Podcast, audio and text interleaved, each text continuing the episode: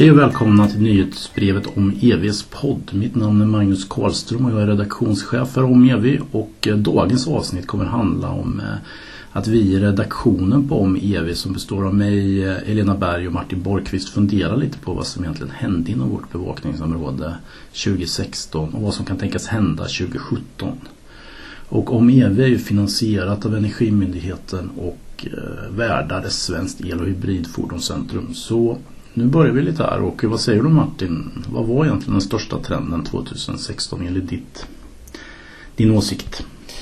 Nej men om man tänker eh, viktiga händelser som hände i år då 2016 så tycker jag ändå att eh, Parisavtalet, att det ratificerades är en viktig eh, milstolpe. Eh, sen om man tänker trender så skulle jag nog ändå vilja säga att en trend som pågått i flera år nu det är ju eh, utvecklingen inom förnybar energi och eh, batterier. Och eh, speciellt inom solel så har det ju hänt väldigt mycket. Det har ju skett en, eh, jag tror att andelen solel av total elproduktion har sjudubblats sedan 2000. Just. Och eh, ja, den här ut, det känns som att utvecklingen eh, den, den bara händer eh, mer och mer nu och det svårt att se egentligen hur den skulle kunna brytas. Och jag tror nog kanske att eh, det här Parisavtalet är en viktig milstolpe sett i det sammanhanget. Om snöbollen redan är i rullning då, kommer Parisavtalet för sent? Nej, jag, jag tror inte det utan eh, det känns som att nu har man äntligen lyckats vara överens om det här eh, från ländernas sida globalt sett. Just det, inte bara tekniken. Nej precis, jag tror att alltså tekniken och företagen eller industrin de är redan på tåget känns det som. När man ser, eh, ser hur kostnaderna sjunker liksom på det här. Och, jag menar, det är inte bara solel och vind som, som utvecklas snabbt utan det är ju även batterier. Batteripriset har ju sjunkit med 65% sedan 2010. Och koppla in då till batterierna då, så eh, där Martin pratade om att batteripriserna sjunker. Och vad som hände under 2016 i det området var ju att eh, vi ännu mer fick eh, ljus på den eh, lista som finns i Kina med vilka företag som är godkända batteriföretag som är godkända ur ett kinesiskt perspektiv för att få subventioner. Tillverkar du en bil för den kinesiska marknaden med en av de här cellerna eller batterierna som finns på listan så kan du åtnjuta de här subventionerna. Givetvis kan du sälja bilar med andra celler i, eh, i Kina men då får du inga subventioner. Och det som är intressant med den här listan det är väl ett dryga 50-tal eh, företag som finns med. Eh, men det finns inte ett enda utländskt företag. Och till exempel då LG Chem och Samsung som är de stora batteritillverkarna eller celltillverkarna för eh, fordonsapplikationer finns inte med på listan. Och eh, det är väl inte helt klart om de kommer upp på listan och om inte de kommer upp, vem kommer upp då på den listan som inte är kinesiskt? Jösses, man blir lite orolig alltså. Kan det till och med bli handelskrig runt det här? För jag menar elektromobility kan ju bli en stor business. Ja, det skulle det säkert kunna bli. Antingen så tvingas utländska tillverkare att byta batterileverantör. Och det gör man inte bara över en natt. Eller annars så struntar de helt enkelt i den kinesiska marknaden. Men det, det tror jag ju inte. Ja, just Ja, jo, min eh, fundering inför 2016 eh, liksom var det, som var det största Det är ju att tyskarna, de tyska bilföretagen har ökat sin produktion av pressreleaser men också faktiskt aktivt hur mycket elbilar och pluginer och vad de har tänkt att göra och vilka försäljningsmål de har runt elektromobility. Och de är ju väldigt intresserade av att sälja till Kina och de har ju mycket funderingar hur de ska kunna liksom sälja sina elbilar där. Men detta är liksom den här eh, tyska satsningen på elbilar. Den, är ju, den har ju pågått under ganska lång tid men jag tycker det här 2016 så vart det extra starkt liksom hur extremt många modeller de kommer bygga. Och att de pratar liksom till 2025 att de tänker sälja liksom 10 till 20, 25 procent av sin bilflotta. Eh, kommer vara e-mobility från många av de stora tillverkarna. Men vad kommer tyskarna bygga sina batterier då? Ja, det tror jag de funderar väldigt mycket på själva alltså. Och det här är ju bara en gissning men jag tror på kort sikt så kommer de antagligen bli tvingade att köpa kinesiska batterier i, när de säljer i Kina. Mm. Tror jag. Det är ju bara en ja, gissning nästan. Men på sikt så tror jag att tyskarna aktivt håller och funderar på hur de som land ska kunna eh, sitta på den här kompetensen som celltillverkning är. Eh, och de håller på att fundera på det och jag tror förr eller senare så kommer det komma tyska varumärken som tillverkar battericeller. Tror jag. Men vi får ju se, det är lite på längre sikt. Jag tror det är typ efter 2020 mm. eller ännu längre fram. Så det är ju inte, mm. Vi kommer inte se det 2017 men jag tror de aktivt jobbar väldigt mycket runt den frågan. Ja, men det har de gjort. Mm. Och de ser ju att batteriet är en nyckelkomponent i ett elfordon och eh, eh Made in Germany eller, är ju en verkligen stark grej.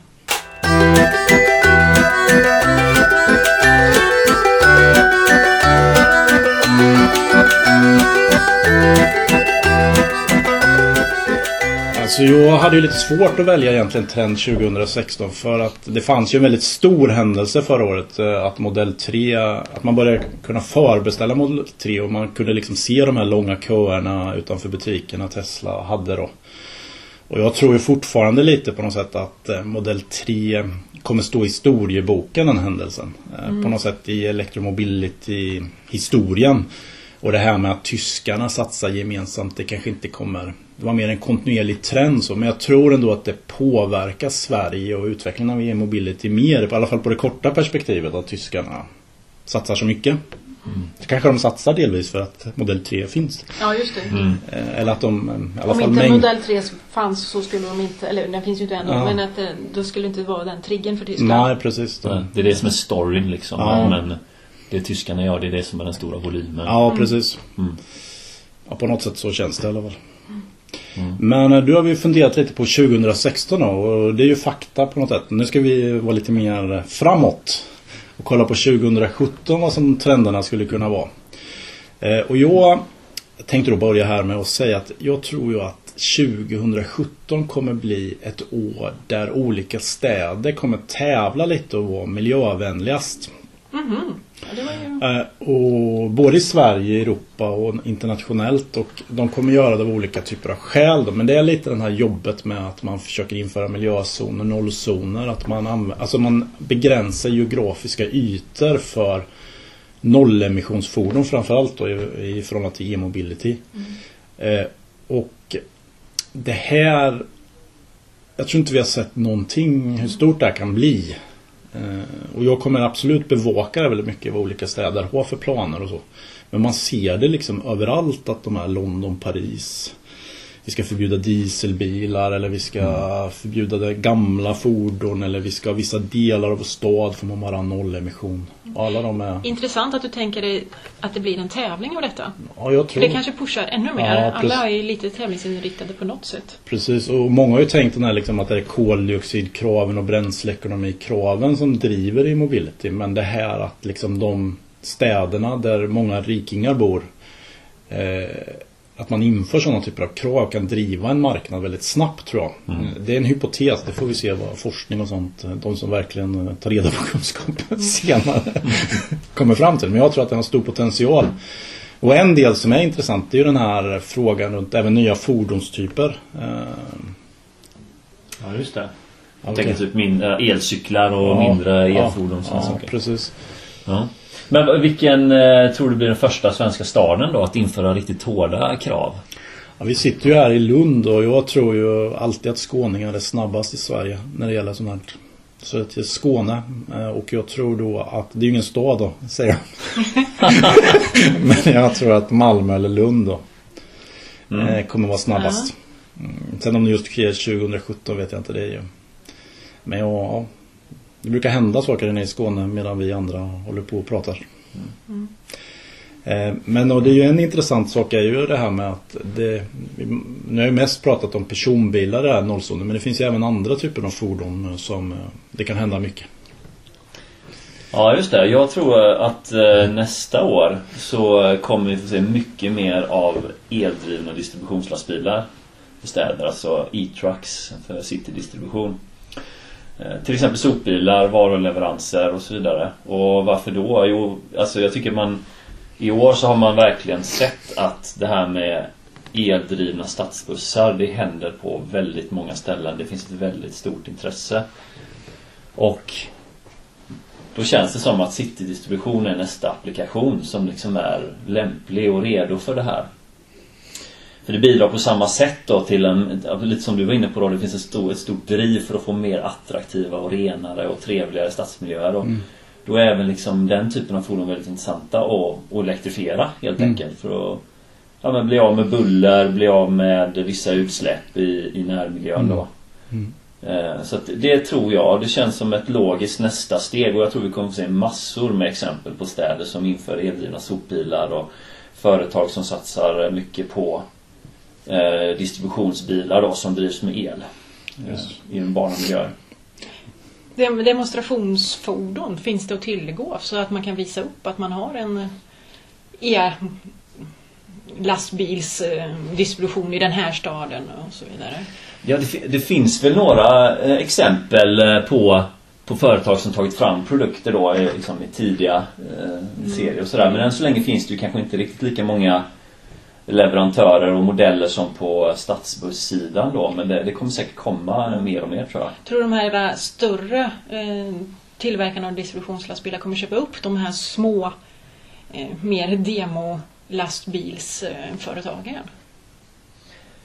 Skulle det Nej. gå så långt? Jag, jag tror faktiskt inte det. Jag tror att de större tycker att de kan själva. Speciellt de som redan har jobbat med andra typer av hybrider och elfordon. Så att jag tror inte det. Men jag, jag kan ju kan naturligtvis ha fel då. Men Jag tänkte, du har ju liksom varit med eh, både liksom när elbilar kom till Sverige igen då, den här nya vågen och när elbussar, liksom känner du igen signalerna att nu börjar det komma forskningsprojekt och nu börjar aktörer ringa och liksom Känner du igen trenderna inför liksom e-trucks? Att det är samma fas liksom?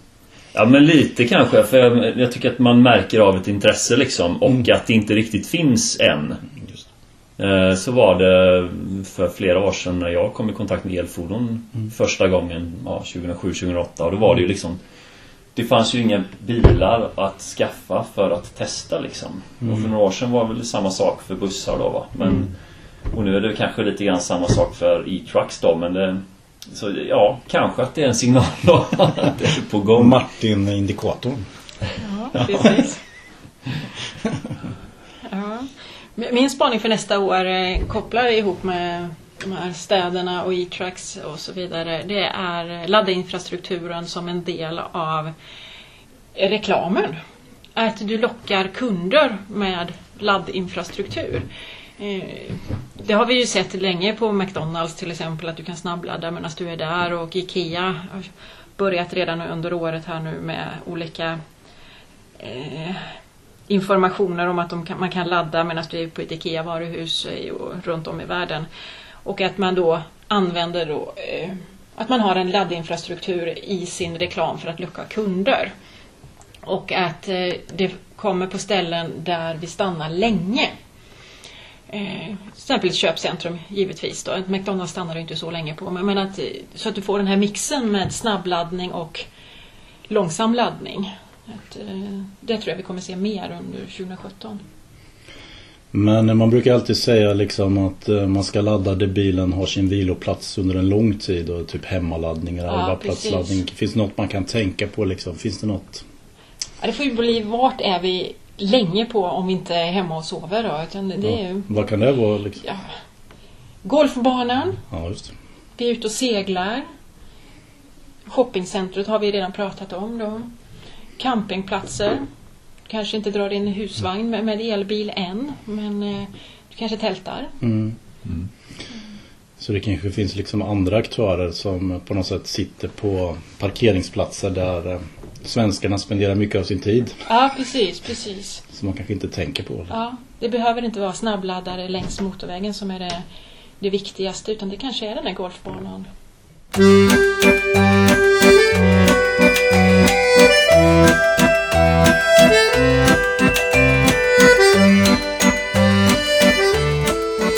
Ja, nu har vi ju liksom funderat på liksom trender som vi är ganska säkra på kommer hända under 2017. Men det finns ju något man ska förhålla sig till i framtiden kan ju vara att det kan finnas händelser som är liksom lite mer osannolika men ändå som kan få väldigt stor påverkan på utvecklingen. Och eh, begreppet som ofta används är det här svarta svanar då liksom att det är en osannolik händelse som händer men som har väldigt stor påverkan så använder man det här begreppet svarta svanar. Men vi sitter ju här i Lund i Skåne så att vi tänkte vi använder begreppet svarta gäss istället. På sådana händelser som kan få väldigt stor påverkan på det vi bevakar. Och eh, jag undrar lite Martin, vad tror du är din svarta gås för 2017? Ja, alltså en sak på lite så här övergripande nivå som jag tror skulle kunna påverka. Mm. Det har att göra med att eh, eh, elfordonsutvecklingen och även utvecklingen inom förnybar energi, den här som jag nämnde tidigare, den, den, är väldigt stark. Det händer, det ökar väldigt mycket så att säga. Men det är från ganska små nivåer så det finns ett stort behov av kapital för att kunna göra investeringar i produktionsanläggningar, i forskning, i produktutveckling och så vidare. Det finns ett stort kapitalbehov i det här, mm. inbillar jag mig. Eh, och då tänker jag så här, en, en stor en, en händelse som skulle kunna påverka det, det är ju att det blir kapitalbrist på något sätt i systemet. Och det kan man ju tänka sig att det skulle kunna, något som skulle kunna utlösa det är ju till exempel att eh, något land går i statsbankrutt. Mm. Eh, att det blir något slags handelskrig. Eh, att det händer något annat som liksom suger upp all uppmärksamhet och, och liksom suger åt till allt kapital då istället för de här investeringarna i, eh, i, den, här nya, i den här tekniken då. Mm. Är det något som du ser liksom som att du är orolig för det här på riktigt eller är det liksom en osannolik händelse?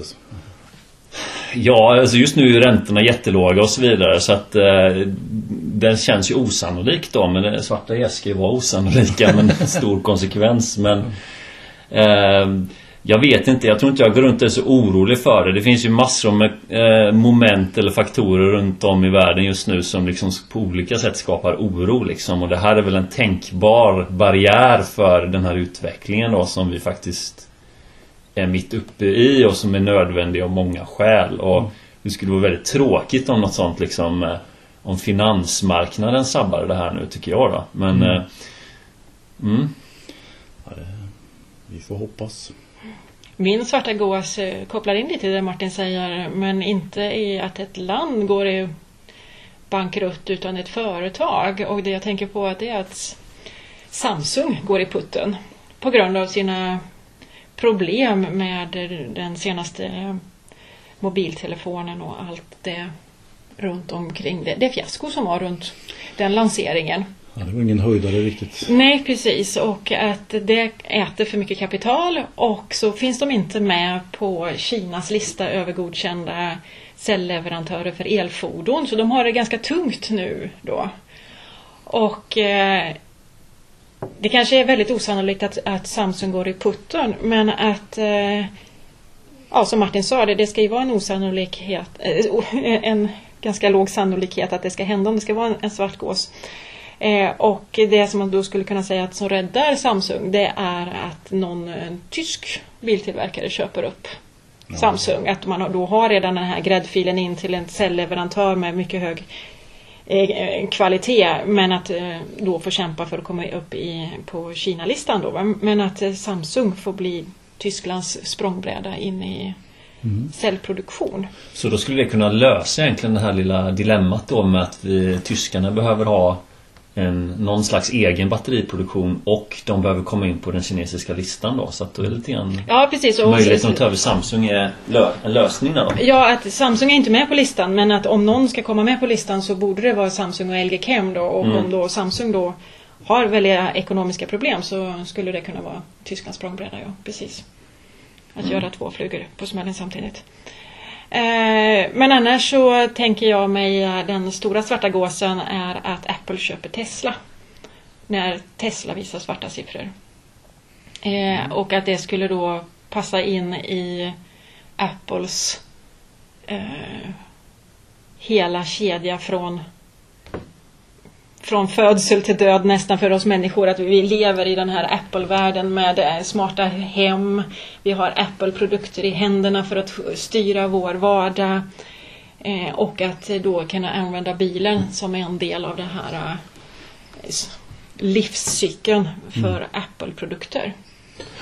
Bilen är den pusselbit som de ännu inte har liksom Ja, i sin precis. egen lilla... Och, och i och med att eh, Tesla ändå har kopplat ihop solen med bilen också då eh, och eh, powerwalls och eh, hela balletten så skulle det sitta fint i, i Apples Så liv. man kunde leva liksom ett helt Apple-liv. Liksom. Ja, precis. Man har bara vita produkter med sån äpple på. Mm, så För allt sitta- man gör. Så kan du sitta där inne och äta dina äpplen. Ja. det är skönt. Eh, och Det här som ni pratar om, eh, det är ju lite kopplat till min eh, svarta gås också då. Det är ju att jag tror att 2017 och framåt så jag vet ju inte riktigt om det här definierar så bra egentligen att det är osannolikt. För jag känner att det är ganska lite halvsannolikt. Att det har ju varit en period där elbilar och eller e-mobility har kommit över någon sorts puckel nu och liksom börjar gå väldigt bra. Kunderna efterfrågar typ Model 3. Prisnivåerna för batteri ser ut att sjunka. Det finns väldigt stort politiskt stöd. Det finns väldigt stark drivkraft för att det här ska bli någonting.